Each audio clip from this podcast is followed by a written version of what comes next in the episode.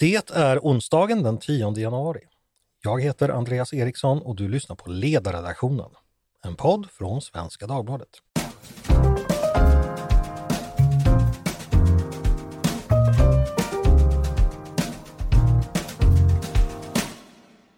Varmt välkomna ska ni vara till dagens avsnitt av Ledarredaktionen. Igår avslutades ju Folk och Försvars årliga rikskonferens i Sälen. Det pratade vi ju om i podden igår. Och det stora som hände där, eller i alla fall det som uppmärksammades mest av oss i media, det var de allvarliga och bistra och för många också säkert skrämmande besked som gavs från såväl politiker som Försvarsmakten. Läget i vår omvärld är det farligaste på många år och vi måste förbereda oss på att Sverige kan bli indraget i ett framtida krig. Något också som dök upp i samband med detta i diskussionerna från Sälen och också i rapporteringen och diskussionerna efteråt rörde någonting som kallas för försvarsvilja. Ukraina lär oss att ett lands viktigaste resurs i krig är den gemensamma försvarsviljan, sa exempelvis statsministern i sitt tal. Och Det här tänkte jag vi skulle fördjupa oss i idag. Vad är egentligen ett lands försvarsvilja? Varför är den så viktig? Hur ser Sveriges försvarsvilja ut? Såväl vår enskilda som den gemensamma? Kan man mäta och beskriva den? Och vad kan vi göra enskilt eller gemensamt för att öka den? Det tänkte jag vi skulle prata om nu. Då har jag två gäster till min hjälp.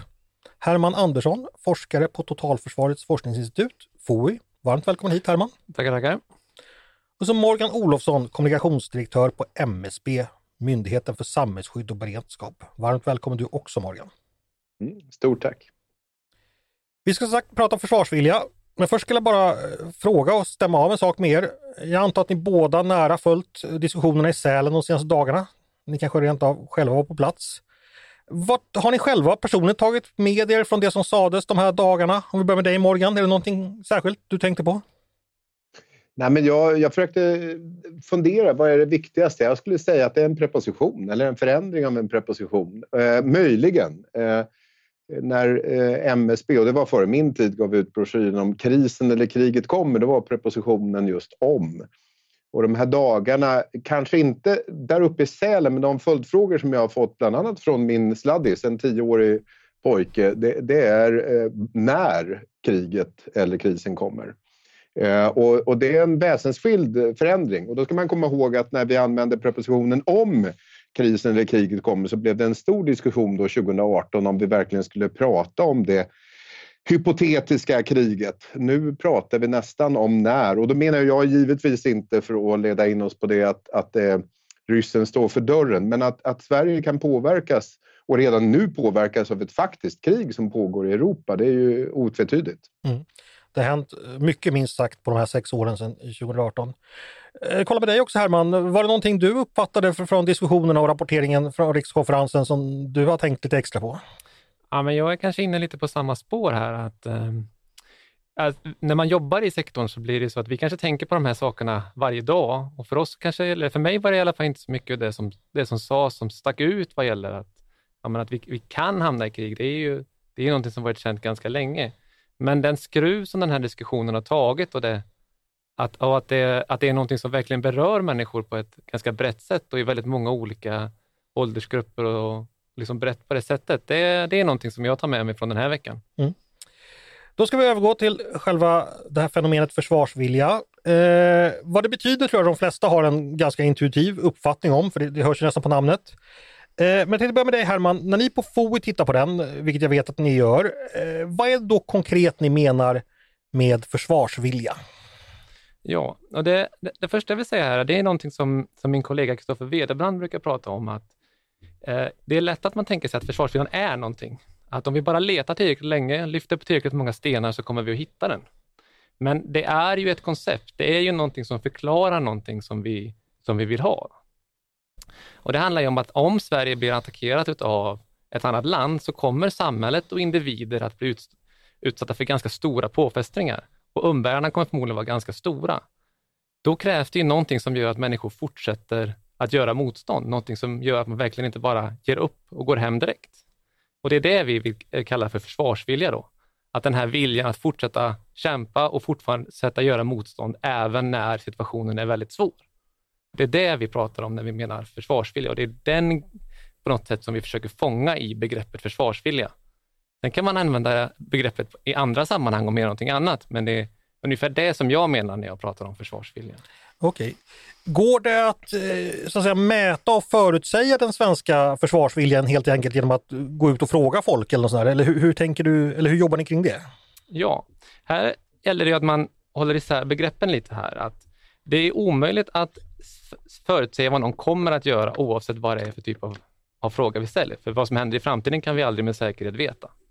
Däremot kan vi fråga vad folk är benägna att göra och vad man vill göra. Och jag tycker att det är viktigt att poängtera att vilja är en sak, men för att man faktiskt ska kunna handla så krävs fler saker. Man måste exempelvis kunna ha förmågan, man måste ha rätt utrustning och de andra förutsättningarna måste vara de rätta. Ett konkret exempel kan exempel vara att jag tror att det är få föräldrar som skulle lämna sina barn på gatan för att ta en plats i krigsorganisationen. Man förutsätter att på något sätt att de här praktiska sakerna finns på plats så att man kan agera på sin vilja. Så det vi mäter när vi pratar om försvarsvilja, det är just viljan. Och vilja betyder inte samma sak som att man har förmågan, att man kan, att alla de praktiska detaljerna finns på plats, utan det är någonting som man vill göra. Så det mäter vi ju helt enkelt genom att vi skickar ut enkätundersökningar där vi frågar, skulle du, hur villig skulle du vara att exempelvis delta i en stridande roll om Sverige blir attackerat? Mm. Eh, då lär vi oss det. Det, det är alltså försvarsvilja i, i den bemärkelsen ni använder, det är ett ganska komplext begrepp, men man kan ändå utgå från någon, någon form av attityd för att eh, försöka diskutera det här. Where's that dust coming from? Still finding debris after vacuuming? Eufy X10 Pro Omni Robot Vacuum has 8,000 PA of powerful suction to remove debris deep in carpets. And it's totally hands free. Want to know more? Go to eufy.com. That's EUFY.com and discover X10 Pro Omni, the best in class all in one robot vacuum for only $799. Om vi släpper in dig Morgan, ni på MSB arbetar ju också med försvarsvilja. Känner du igen den här definitionen och resonemanget som Herman för eller tänker ni annorlunda hos er eller hur är det? Nej, vi tänker väl inte annorlunda. Sen finns det ju många olika sätt att definiera det och, och jag får väl utgå ifrån vad min uppdragsgivare, i det här fallet kanske försvarsberedningen som pratar om att det handlar om en insikt och förstå vad är det som är värt att försvara. En insikt om att det faktiskt är under hot, för annars är man ju inte beredd att försvara någonting om det är helt ofarligt, som det ju faktiskt var under ett antal år på det glada 90 och början på 2000-talet. Och sen att man har en vilja, att man faktiskt vill göra någonting. Den nu stammar ju i det faktum att man kanske delar de grundläggande värdena som vi nu pratar om, om jag har lyssnat på Folk och Försvar på rikskonferensen, att det handlar om eh, att demokratin, vår frihet, är satt eh, under press. Och i slutändan då, det, det här man var inne på, vi vet ju inte, modet att faktiskt agera i slutändan, finns det? Och då kan man väl säga så här att vi på MSB jobbar ju också med kriser och de till skillnad från kriget som ju inte har eh, ödelagt vårt land på 200 år drygt, så har ju kriserna faktiskt kommit och, och sköljt över oss. Jag tänker tsunamin, jag tänker bränderna och skogsbränder och sådär. Och vi vet ju att att många människor är faktiskt beredda att försvara oss också mot naturens krafter sådana gånger och att vi hjälps åt. Som nu senast E22 där vi kanske lite orättfärdigt har, har bara tittat på att, att eh, Trafikverket och Länsstyrelsen, vem det nu är som gjorde fel och kanske sett det som ett undantag att eh, restaurangerna haft öppet och att människor har hjälpt varandra. Jag skulle vilja se det där som att det är ett system som hänger samman. Att, att eh, försvarsviljan handlar om att vi är beredda att försvara varandra, våra närmaste men också faktiskt främlingar. Vi har ju undersökt det där lite och det är ju faktiskt eh, så många som nio av tio eh, när vi tittade på det här som, som säger, det var Kantar Sifo som gjorde det åt oss för övrigt, att det är en självklarhet att hjälpa andra och det tänker jag att att där är det ju, eh, till skillnad från kriget, så har vi ju faktiskt belägg för att folk eh, hjälper varandra. Att, att man går till, till en restaurang, det är öppet fast det borde vara stängt och man släpper in folk för att de ska få en bit mat när, när vägen är igensnöad och man inte kommer därifrån. Och det tycker jag man ska ta fasta på. För annars blir det ju lätt att det här blir hypotetiskt, att vi frågar oss, kommer vi verkligen hjälpa varandra i kriget? Och det tror jag faktiskt att vi kan säga att utifrån de det vi kan dra lärdomar av så är sannolikheten väldigt stor att vi faktiskt kommer att ha en försvarsvilja som gör att vi stöttar varandra. Herman, du satt och nickade lite här när Morgan pratade. Du, du, du känner igen och håller med om det här resonemanget? Ja, absolut. Och jag tycker att det, det är precis som du säger, att det finns, det finns stor skäl att tro att folk kommer vilja att hjälpa till när det väl blir ett skarpt läge utifrån de kriser vi gått igenom. Jag vill också lyfta här exemplet från Ukraina. Där har man ju mätt eh, liknande frågor om försvarsvilja. Viljan att försvara Ukraina med vapen i hand, tror jag var formuleringen i det fallet. Då såg man ju att viljan har gått upp efter det att den fullskaliga invasionen inleddes, inleddes 2022 jämfört med innan då. Så att när väl kriget kommer så är det inte givet att den skulle gå ner försvarsviljan som man skulle kunna tänka sig. Mm. Utan den kan lika gärna, som exemplet Ukraina visar, gå upp. Och som Morgan är inne på här, när det väl blir kris, då är det ofta så att människor är mer hjälpsamma. Det är som sak som man sitter på tåget och så blir det förseningar. Då blir folk väldigt mer trevliga man hjälper varandra, man pratar lite. Dela choklad kanske? Dela choklad, man skrattar åt den situationen man har hamnat i på ett sätt som man inte gjorde när allting rullade precis som vanligt. Mm. Men om vi ändå då ska, ska prata om det, det, som ni har tittat på och faktiskt mätt, det här med attitydundersökningar du berättade om, om Herman. Vad, vad visar de? Går det att säga lite översiktligt hur försvarsviljan ser ut? Har du några konkreta siffror att bjuda på? Ja, man kan ta, prata om det som vi kallar för personlig försvarsvilja, då, alltså en viljan för mig att ställa upp i olika roller inom totalförsvaret. Då visar våra undersökningar, bland annat den från 2022, att omkring hälften, strax under, säger sig vara mycket eller ganska villiga att ha en stridande roll om Sverige blir angripet militärt. Ungefär 75 procent säger sig vara villiga att ha en icke-stridande roll med risk för eget liv. Omkring 85 procent att man är villig att ta en icke-stridande roll utan risk för eget liv. Och ja, hur bedömer vi det? Finns det några historiska siffror att jämföra med eller internationella siffror? Vad, vad tänker du? Det finns inte jättemycket historiska siffror vad gäller eh, den personliga försvarsviljan. Vi kan jämföra med 2018 och där ser vi att det inte hänt någon större skillnad jämfört 2022-2018. Men när vi kollar på det här så är vår bedömning att det här är ganska höga siffror. Det är ganska stora. Eh, man ska komma ihåg att, att bara för att jag säger här till exempel att vi får eh, en stridande roll, att det är strax under hälften, så betyder inte det att alla de är lämpliga eller kan eller vad det nu kan vara. Men man ska komma ihåg att det är ganska få som ska ta en stridande roll om vi tar sett till hela befolkningen. De allra flesta ska ju ta den icke-stridande rollen, alltså fortsätta gå till jobbet. Den enskilt viktigaste som de allra flesta kommer göra, det är att fortsätta gå till jobbet även när läget är svårt. Och där ser vi ju att de allra flesta säger sig vara villiga att göra det. Mm. Nu nämnde du, vad kallar du det, den personliga Finns, finns det fler andra saker ni, ni, mäter också? Ja, vi skiljer på den personliga och exempelvis allmän försvarsvilja. Då. Och då handlar det om, tycker man att Sverige som land bör göra motstånd? Och det är inte nödvändigtvis samma sak som att jag personligen ska göra motstånd, men Sverige som land. Där ser vi också att de allra, allra flesta anser att Sverige bör göra väpnat motstånd om vi blir angripet. Mm. Eh, släpper in Morgan här igen. Eh, nu förstår jag att du inte är lika inne på siffrorna som, som en forskare som Herman, men, men, du nämnde tidigare att ni också har, har mätt lite och sånt där. Har du någonting du kan berätta från det? Nej, men man kan väl bara slås, eh, Herman, av det faktum att eh, de ukrainska siffrorna såg ju inget vidare ut inför, inför den fullskaliga invasionen. Eh, och ändå så slöt man upp. Och jag tänker att ibland kanske vi, vi bara fastnar vid att det handlar om de grundläggande värdena. Jag är demokrat och det är därför jag kommer att slåss. Men jag kommer nog också slåss för min, som jag nämnde, tioårige sladdis. Att han ska ha ett gott samhälle att leva i. Eh, och, och, jag tror att man ska se det som att det handlar om, om både, det, det, det, det både det allmänna och det personliga som kommer att, att, att användas. Och det, det, betyder också att till exempel, jag är ju gammal, eh, var korrespondent i Ryssland på 90-talet och har ju sett Ukraina. Och tror mig eh, våga säga att det är inte alla stycken jag tror alla har, har velat i Ukraina försvara det system man har haft under delar av den här perioden och kanske då. Men man har velat försvara sina barn. Man har velat försvara den familj som man har. Och man får inte glömma det. Och här tror jag att, att Putin gjorde kanske, Vladimir Putin, den ryske presidenten, en av sina stora klavertramp och underskattade den ukrainska försvarsviljan. Eh, för eh, det var ju inte mycket hjälp Ukraina fick de första veckorna eh, och kanske inte ens första månaderna. Utan man hade egentligen bara en enda sak som höll ihop det samhället och det var den försvarsviljan som då både handlade om möjligen en tro på samhället men framförallt en en tro på den, de, de nära och kära. Att, att man skulle sluta upp och re, vågade riskera sitt liv eh, för att eh, de skulle få ett, ett drägligt liv. Mm. Jag ska passa på att skjuta in nu, eh, det är någonting jag minns från tidigare studier i organisationslära eh, då att när det gäller den enskilda soldaten så är ju oftast eh, kamraterna i, i det lilla förbandet, i gruppen eller plutonen eller vad det kan vara, lojaliteten gentemot dem är, är väldigt avgörande har det visat sig när man, när man tittar då på, på, på viljan att eh, ja, utföra själva striderna, helt enkelt riskera sitt liv i, i, i, i eldgivning och så vidare. Så att det, det, det har en väldigt stor betydelse.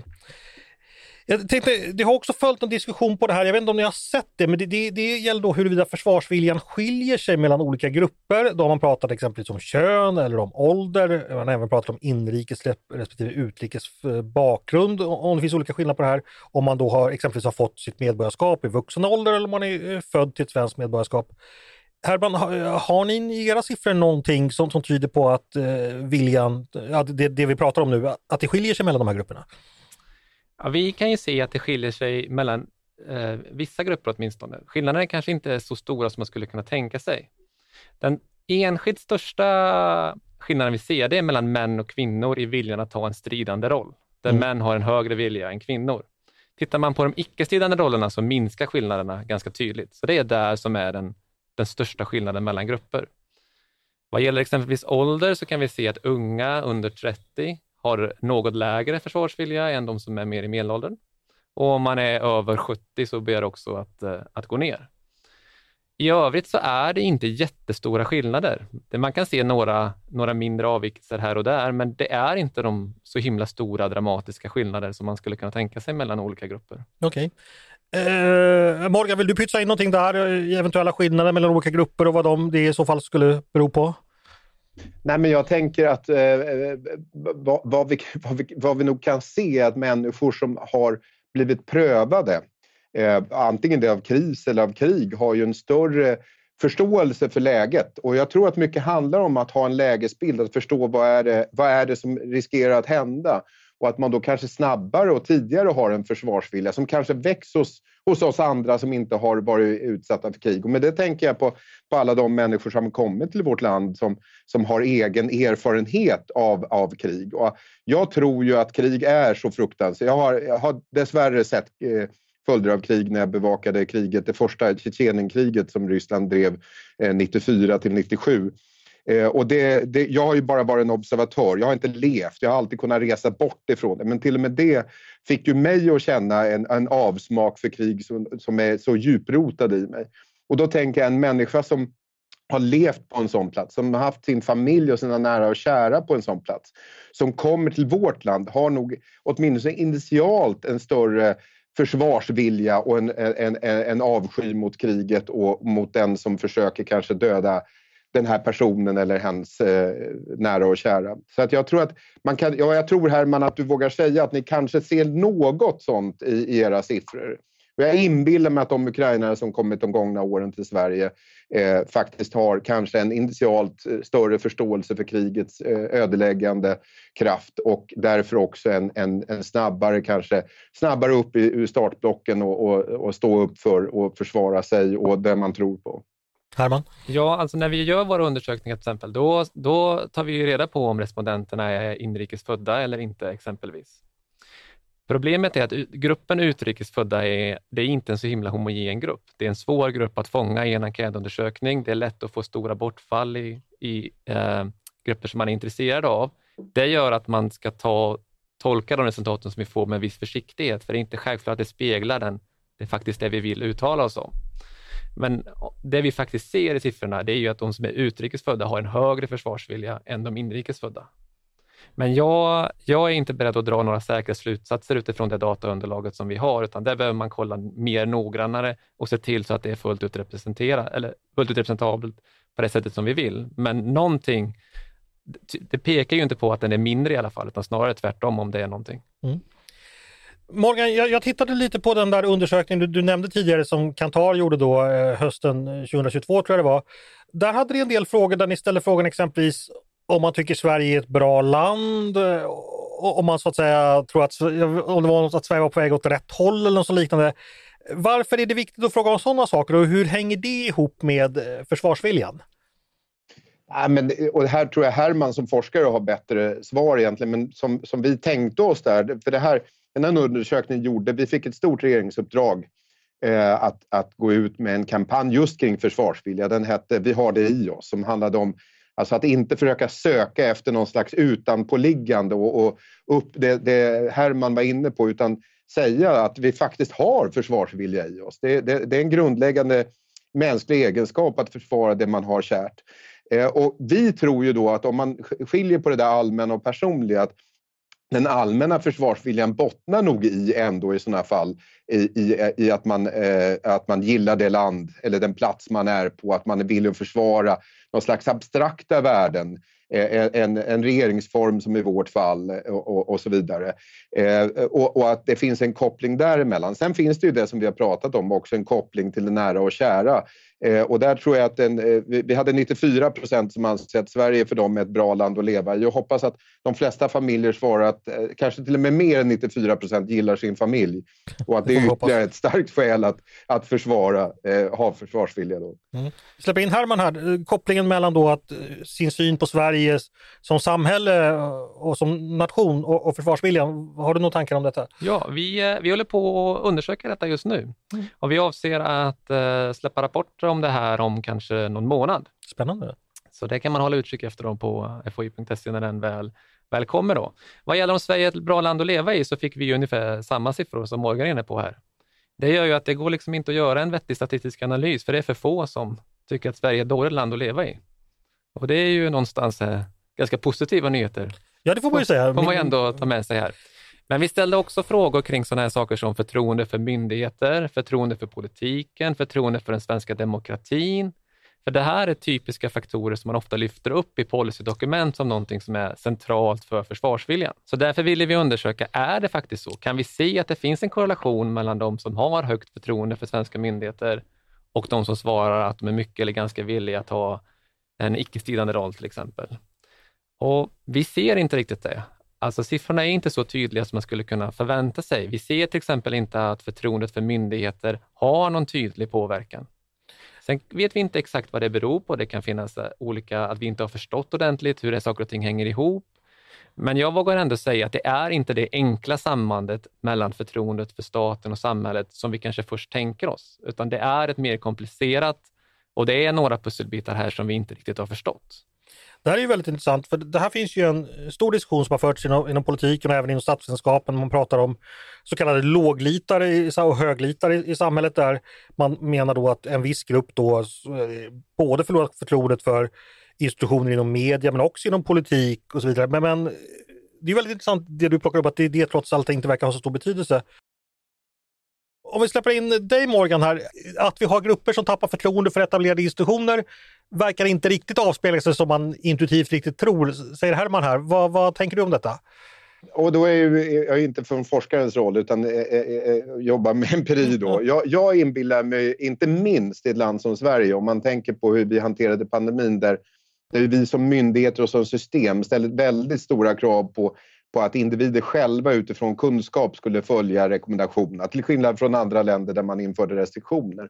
Jag inbillar mig då att, att det krävs en, en hög grad av tillit till de institutionerna som ber en att göra på, på ett sätt som ju faktiskt begränsar din frihet. Att eh, Håll avstånd och besök inte dina, dina äldre släktingar om du är sjuk och så vidare. Och att du, du, det krävs nog ett mått, ehm, ett ganska högt mått av, av eh, tillit då till, till den som står och säger det. Om det är Anders Tegnell eller om det är någon annan. Och att jag tror ändå att det är nog allmängiltigt eh, och att man måste ha, ha det.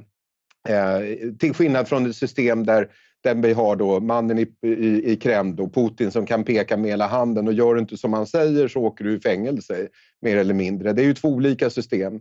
Eh, jag tror att vårt ändå bottnar i en, en mellanmänsklig tillit och en mänsklig tillit också till varandra. Att det är inte bara jag som gör det, det, det institutionen talar om för mig eller eh, ger, ger mig som råd utan det, det, är också mina grannar. Eh, vi, vi, vi sluter upp och, och stöttar varandra i det här. Ehm, jag, jag vill inbilla mig det, men Herman får säga att statistiken säger att jag har fel då. Nej, men det, jag vill säga också att, att, ha, att, att ha förtroende hänger ju också ihop med vilken förväntningar man har på samhället. Det är ju inte nödvändigtvis en, en binär skala där man antingen har eller har det inte. Jag tänker mig att många i Sverige har också väldigt höga förväntningar på det samhället som, man, som vi lever i. Och att när man uttrycker att man har lågt förtroende så kan det betyda någonting annat än att man har lågt förtroende för den ryska staten. För de, de ryska medborgarna. Det behöver inte nödvändigtvis vara samma sak. Kan, man kan tänka sig att det är människor som är besvikna på att de inte har fått vård i den tiden man tänker sig. Man upplever inte att samhället är på den höga nivån som man hade förväntat sig. Då uttrycker man det i att man har lågt förtroende för svenska myndigheter och därför svarar man som man gör i våra enkätundersökningar. Mm. Men det behöver inte betyda att man i någon form av liksom den totala skalan tycker att allting är klappkast och att den svenska staten och myndigheter inte agerar i grunden på ett ganska sunt sätt. Det är bara det att mina förväntningar på det är ännu högre. Mm. Det vi snarare vill förmedla är att om man tänker sig att man ska stärka försvarsviljan genom att eh, fler människor ska få högre förtroende för svenska myndigheter, så är det inte säkert att man får den förväntande effekten. Det kan finnas goda skäl till att stärka förtroendet för myndigheter i, alla andra, eller i många andra sammanhang.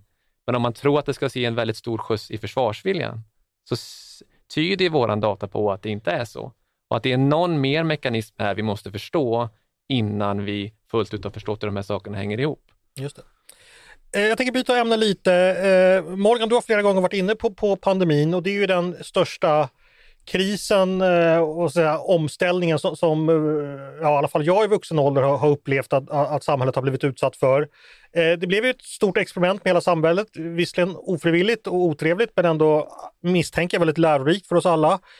Eh, Morgan, ja, du behöver inte komma med, med data och forskning här, men, men, vad tycker du att ni på MSB lärde er av pandemin när det gäller folks förmåga och så här säga, beredskap eh, som ska vara användbart när vi diskuterar försvarsvilja och, och, och framtida ja, beredskap inför helt enkelt eh, onda tider?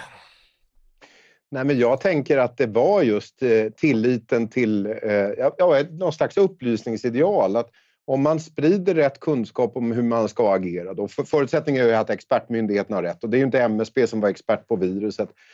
Att folk faktiskt gör det. Alltså, I Sverige var det 8 av 10, vi gjorde ju följeforskning genom Kantar Sifo på det där, eh, som, som följde rekommendationerna bara för att de, de stod där på affischer och, och eh, torgfördes på pressträffar. Medan det var lägre följsamhet i länder där man införde hårda restriktioner för att tvinga folk att göra som de skulle göra.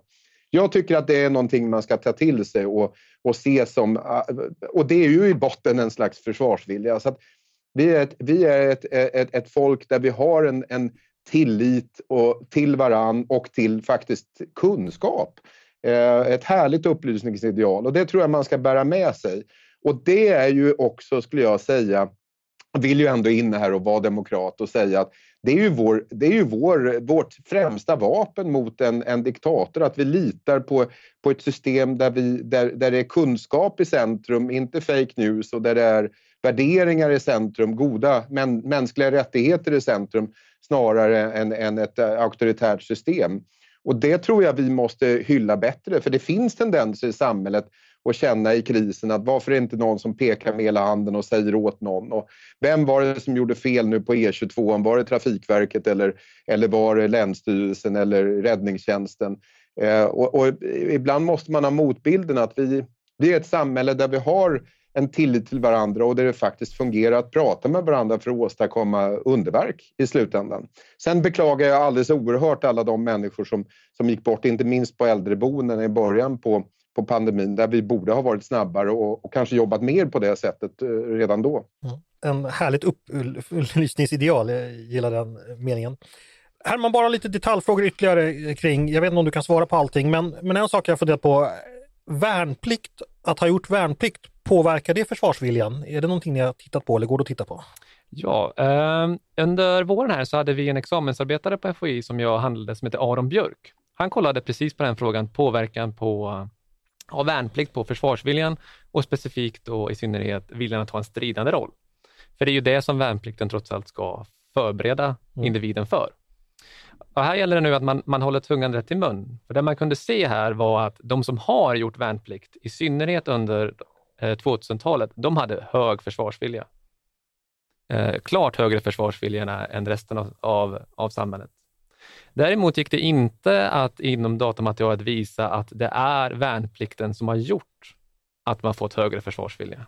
Nej, man kan ju ha gjort värnplikt på grund av sin försvarsvilja helt enkelt. Det, det studien tyder på var ju snarare att det var exakt det. De som har hög försvarsvilja, de har också gjort militär utbildning.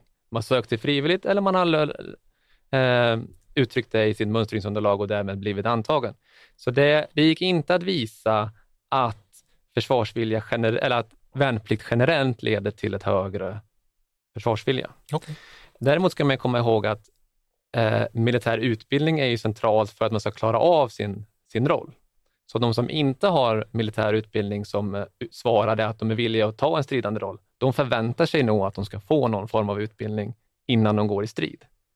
Så återigen, det är skillnad på vilja och vad man kommer att göra. För att man ska kunna agera på sin vilja så krävs det fler saker runt omkring. Praktiska saker som behöver till för att det ska gå att agera. En till eh, svår fråga som du kanske inte har svar på, men, men eh, vi är på väg in i NATO och det bygger på att eh, vi ska försvara andra länder. Det har talats senaste dagarna om svensk trupp i Baltikum. Har ni tittat på det, viljan att försvara ja, våra nordiska grannländer eh, eller bara baltiska grannländer eller ja, för den delen alla länder i NATO? Ja, i vår undersökning 2022 så valde vi att också ställa frågan om ett nordiskt grannland skulle bli angripet. Så vi hade scenario och samma frågor som om Sverige blev angripet fast vi bytte ut mot ett nordiskt grannland. Så det vi kunde se var ju att försvarsviljan var något lägre än om Sverige skulle bli angripet. Men vår bedömning var ändå att siffrorna var höga. Det får man alltså att det var exempelvis då som vi sa stridande roll, no, strax under 50 procent eh, om Sverige blir angripet och strax under 30 procent någonstans där som säger att de är mycket eller ganska villiga att ta ett stridande roll om ett nordiskt grannland blir angripet. En sista svår fråga. Det gällde det här med, om vi tittar långt tillbaka i tiden. Jag förstår att eh, längre tidsserier, obrutas, kanske saknas, men kan du göra någon bedömning av vår försvarsvilja nu jämfört med under, säg kalla kriget när det var som kallast eller rent av under andra världskriget? Vet vi någonting om det? Eh, tidigare så har ju MSB haft en ganska lång eh, mätserie på det vi skulle kalla då för allmän försvarsvilja, om man tycker att Sverige bör göra väpnat motstånd. Eh, och den sträcker sig från 50-talet och fram tills idag. Den har ju rört på sig lite upp och ner över, över tiden, men den har varit ungefär ganska stabil kring där den är, är idag. Så att utifrån det så finns det ingen tydlig... Jag skulle inte säga att det är någon jättestor skillnad idag jämfört med vad det var under, under kalla kriget. Mm. Då, eh, då ska vi börja eh, sy ihop säcken lite här, men jag, jag tänkte fråga lite också om, eh, och då tänkte jag börja med dig Morgan, eh, om politiker känner så här att vi behöver öka försvarsviljan i landet för, för att det är ändå en god sak då som statsministern sa. Finns det någonting som politikerna skulle kunna göra eh, på, på ett lätt sätt eller finns det någonting som politikerna också skulle kunna göra som minskade försvarsviljan? Vad, vad tänker du om det? Ja, det finns väldigt mycket politiken kan göra. Någonstans är ju de företrädare och inte minst så är det ju de som ska leda oss eh, vid högsta, högsta beredskap om det verkligen skulle bli krig. Nej, men jag tänker att det vi har sett i, i, mm, i, i, från Sälen, rikskonferensen, där handlar ju om att bygga insikten hos oss alla om det allvarliga läget och att det är utgångspunkten. Om vi inte förstår hur allvarligt läget är så är det ju väldigt svårt att uppbringa en försvarsvilja. Så jag, jag tror att om man börjar bara med, med det Sen tror jag att det räcker inte att göra på en rikskonferens utan det måste verka över tid och, och man måste jobba med frågan för att, för att vi alla ska förstå allvaret. Och, och, och det är ju att sprida, och det säger vi i alla kriser, att utgångspunkten är lägesbilden. Hur ser det ut? Det är först när man vet det som man kan agera. Eh, och det kommer att gälla både så att säga inför ett krig men också under ett krig, hur man jobbar med att sprida eh, minut för minut. Och där har vi ju också ett utmärkt exempel i, i hur Volodymyr Zelensky, Ukrainas president, har jobbat med det och man har jobbat på andra plan i Ukraina att säkerställa att folk vet vad som händer och att de vet vad de ska göra och agera för att eh, motverka i det här fallet den ryska aggressionen. Okej, men vad, vad skulle politikerna göra, göra ifall de ville ställa till det då? Alltså vad är det som minskar försvarsviljan? Eh, vad tänker du om det Morgan? Nej, men jag tror ju att vi måste vara väldigt försiktiga och, och hamna i att det här blir en, en, en, en politisk eh, inrikesfight. Eh, jag är hemskt glad att försvarsberedningen är så enig eh, Eh, i botten eh, i det här och, och det är ju eh, att vi, att vi framstår som enade. Vi är i en tid då, då det är mycket splittring och polarisering och det är någonting som vi får akta oss för. Det är ju faktiskt det som Ryssland redan försöker. På, så tillvida är vi ju inne i en gråzon med, med påverkansaktion. Jag tänker till exempel på socialtjänsten och, och, frågan om barn som tas om hand på ett felaktigt sätt, en falsk kampanj som har spridits. Eh, jag tänker på hur man eh, skulle kunna nyttja andra gap i vår information och sprida splittring. Som Ryssland nu säger att det är vi som är krigshetsare när vi pratar om att, vi, att det finns en oro för att det ryska kriget i Ukraina kan sprida sig i Europa. Eh, så att det gäller att vara vaksam där och om vi inte eh, sluter upp med varann eh, då kommer vår fiende att nyttja det. Eh, samma fråga till dig Herman, vad är det som minskar försvarsviljan? Vet vi det? Vi vet inte riktigt vad det är som bygger upp den, vi vet heller inte riktigt vad det är som, eh, så, så självklart vad som skulle minska den. Men det är klart att det är ju, det är viktigt att, eh, att, eh, att man agerar på ett sätt som gör att, det, att man känner att det här, det, man, det, det vi ska försvara, är, att det är legitimt och att, vi, att det verkligen är det, att det är ett försvarskrig. Vi brukar ibland skilja på stridsmoral och försvarsvilja. Att vi säger att Ryssland i Ukraina, de har låg ehm, stridsmoral, för det handlar inte om försvarsvilja. De vet inte varför de är där, de försvarar ingenting och då är moralen låg. Medan det för oss handlar det om att man uppfattar att vi blivit attackerade och att det är försvar som det handlar om och att den, det vi ska försvara och det vi ska slåss för är något legitimt. Men om jag skulle ge någon rekommendation till, till, eh, till politiken så skulle det kanske vara att inte vara överdrivet orolig för viljan. Ja, min, min bild är att det svenska folket är ganska villigt. Folk vill eh, hjälpa till om det behövs. Det jag skulle vara orolig för det är att det saknas en organisation, att totalförsvaret inte är på den platsen där den borde vara. Att det finns inte den organisationen, den förberedelsen som gör att människor kan falla in i någonting och agera på sin vilja. Jag tror att det är där som är det viktiga just nu, att bygga upp, att se till att de organisationer, strukturer, utrustning, utbildning och det som en gång fanns, att det på något sätt kommer tillbaka i en modern tappning som gör att man kan nyttja den viljan som finns i befolkningen. När kriget eller krisen kommer, som vi har pratat om, så tror jag att också viljan kommer att finnas där. Mm. Alldeles utmärkt. Eh, då får det bli, bli slutord. Eh, stort tack för att ni ville komma och prata med mig idag, Morgan Olofsson från eh, MSB. Tack så mycket. Tack själv. Och tack eh, Herman Andersson från FOI. Tackar. Och kom ihåg ni som lyssnar eh, att varje angrepp mot rikets eh, frihet och självständighet skall mötas med vapen. Varje meddelande om att motståndet eh, skall uppges är falskt. Sverige vill försvara sig, Sverige kan försvara sig och Sverige skall försvara sig. Stort tack för att ni har lyssnat på dagens avsnitt av Ledarredaktionen. En podd från Svenska Dagbladet. Ni är som vanligt varmt välkomna att höra av er till oss på redaktionen med tankar och synpunkter på det vi precis diskuterat. Eller om det är så att ni har idéer och förslag på vad vi ska ta upp i framtiden. Då är det bara att mejla oss på ledarsidan snabla svd.se så kikar vi vidare på det. Dagens producent, han heter som vanligt Jesper Sandström. Jag heter som vanligt Andreas Eriksson och jag hoppas precis som vanligt att vi hörs snart igen.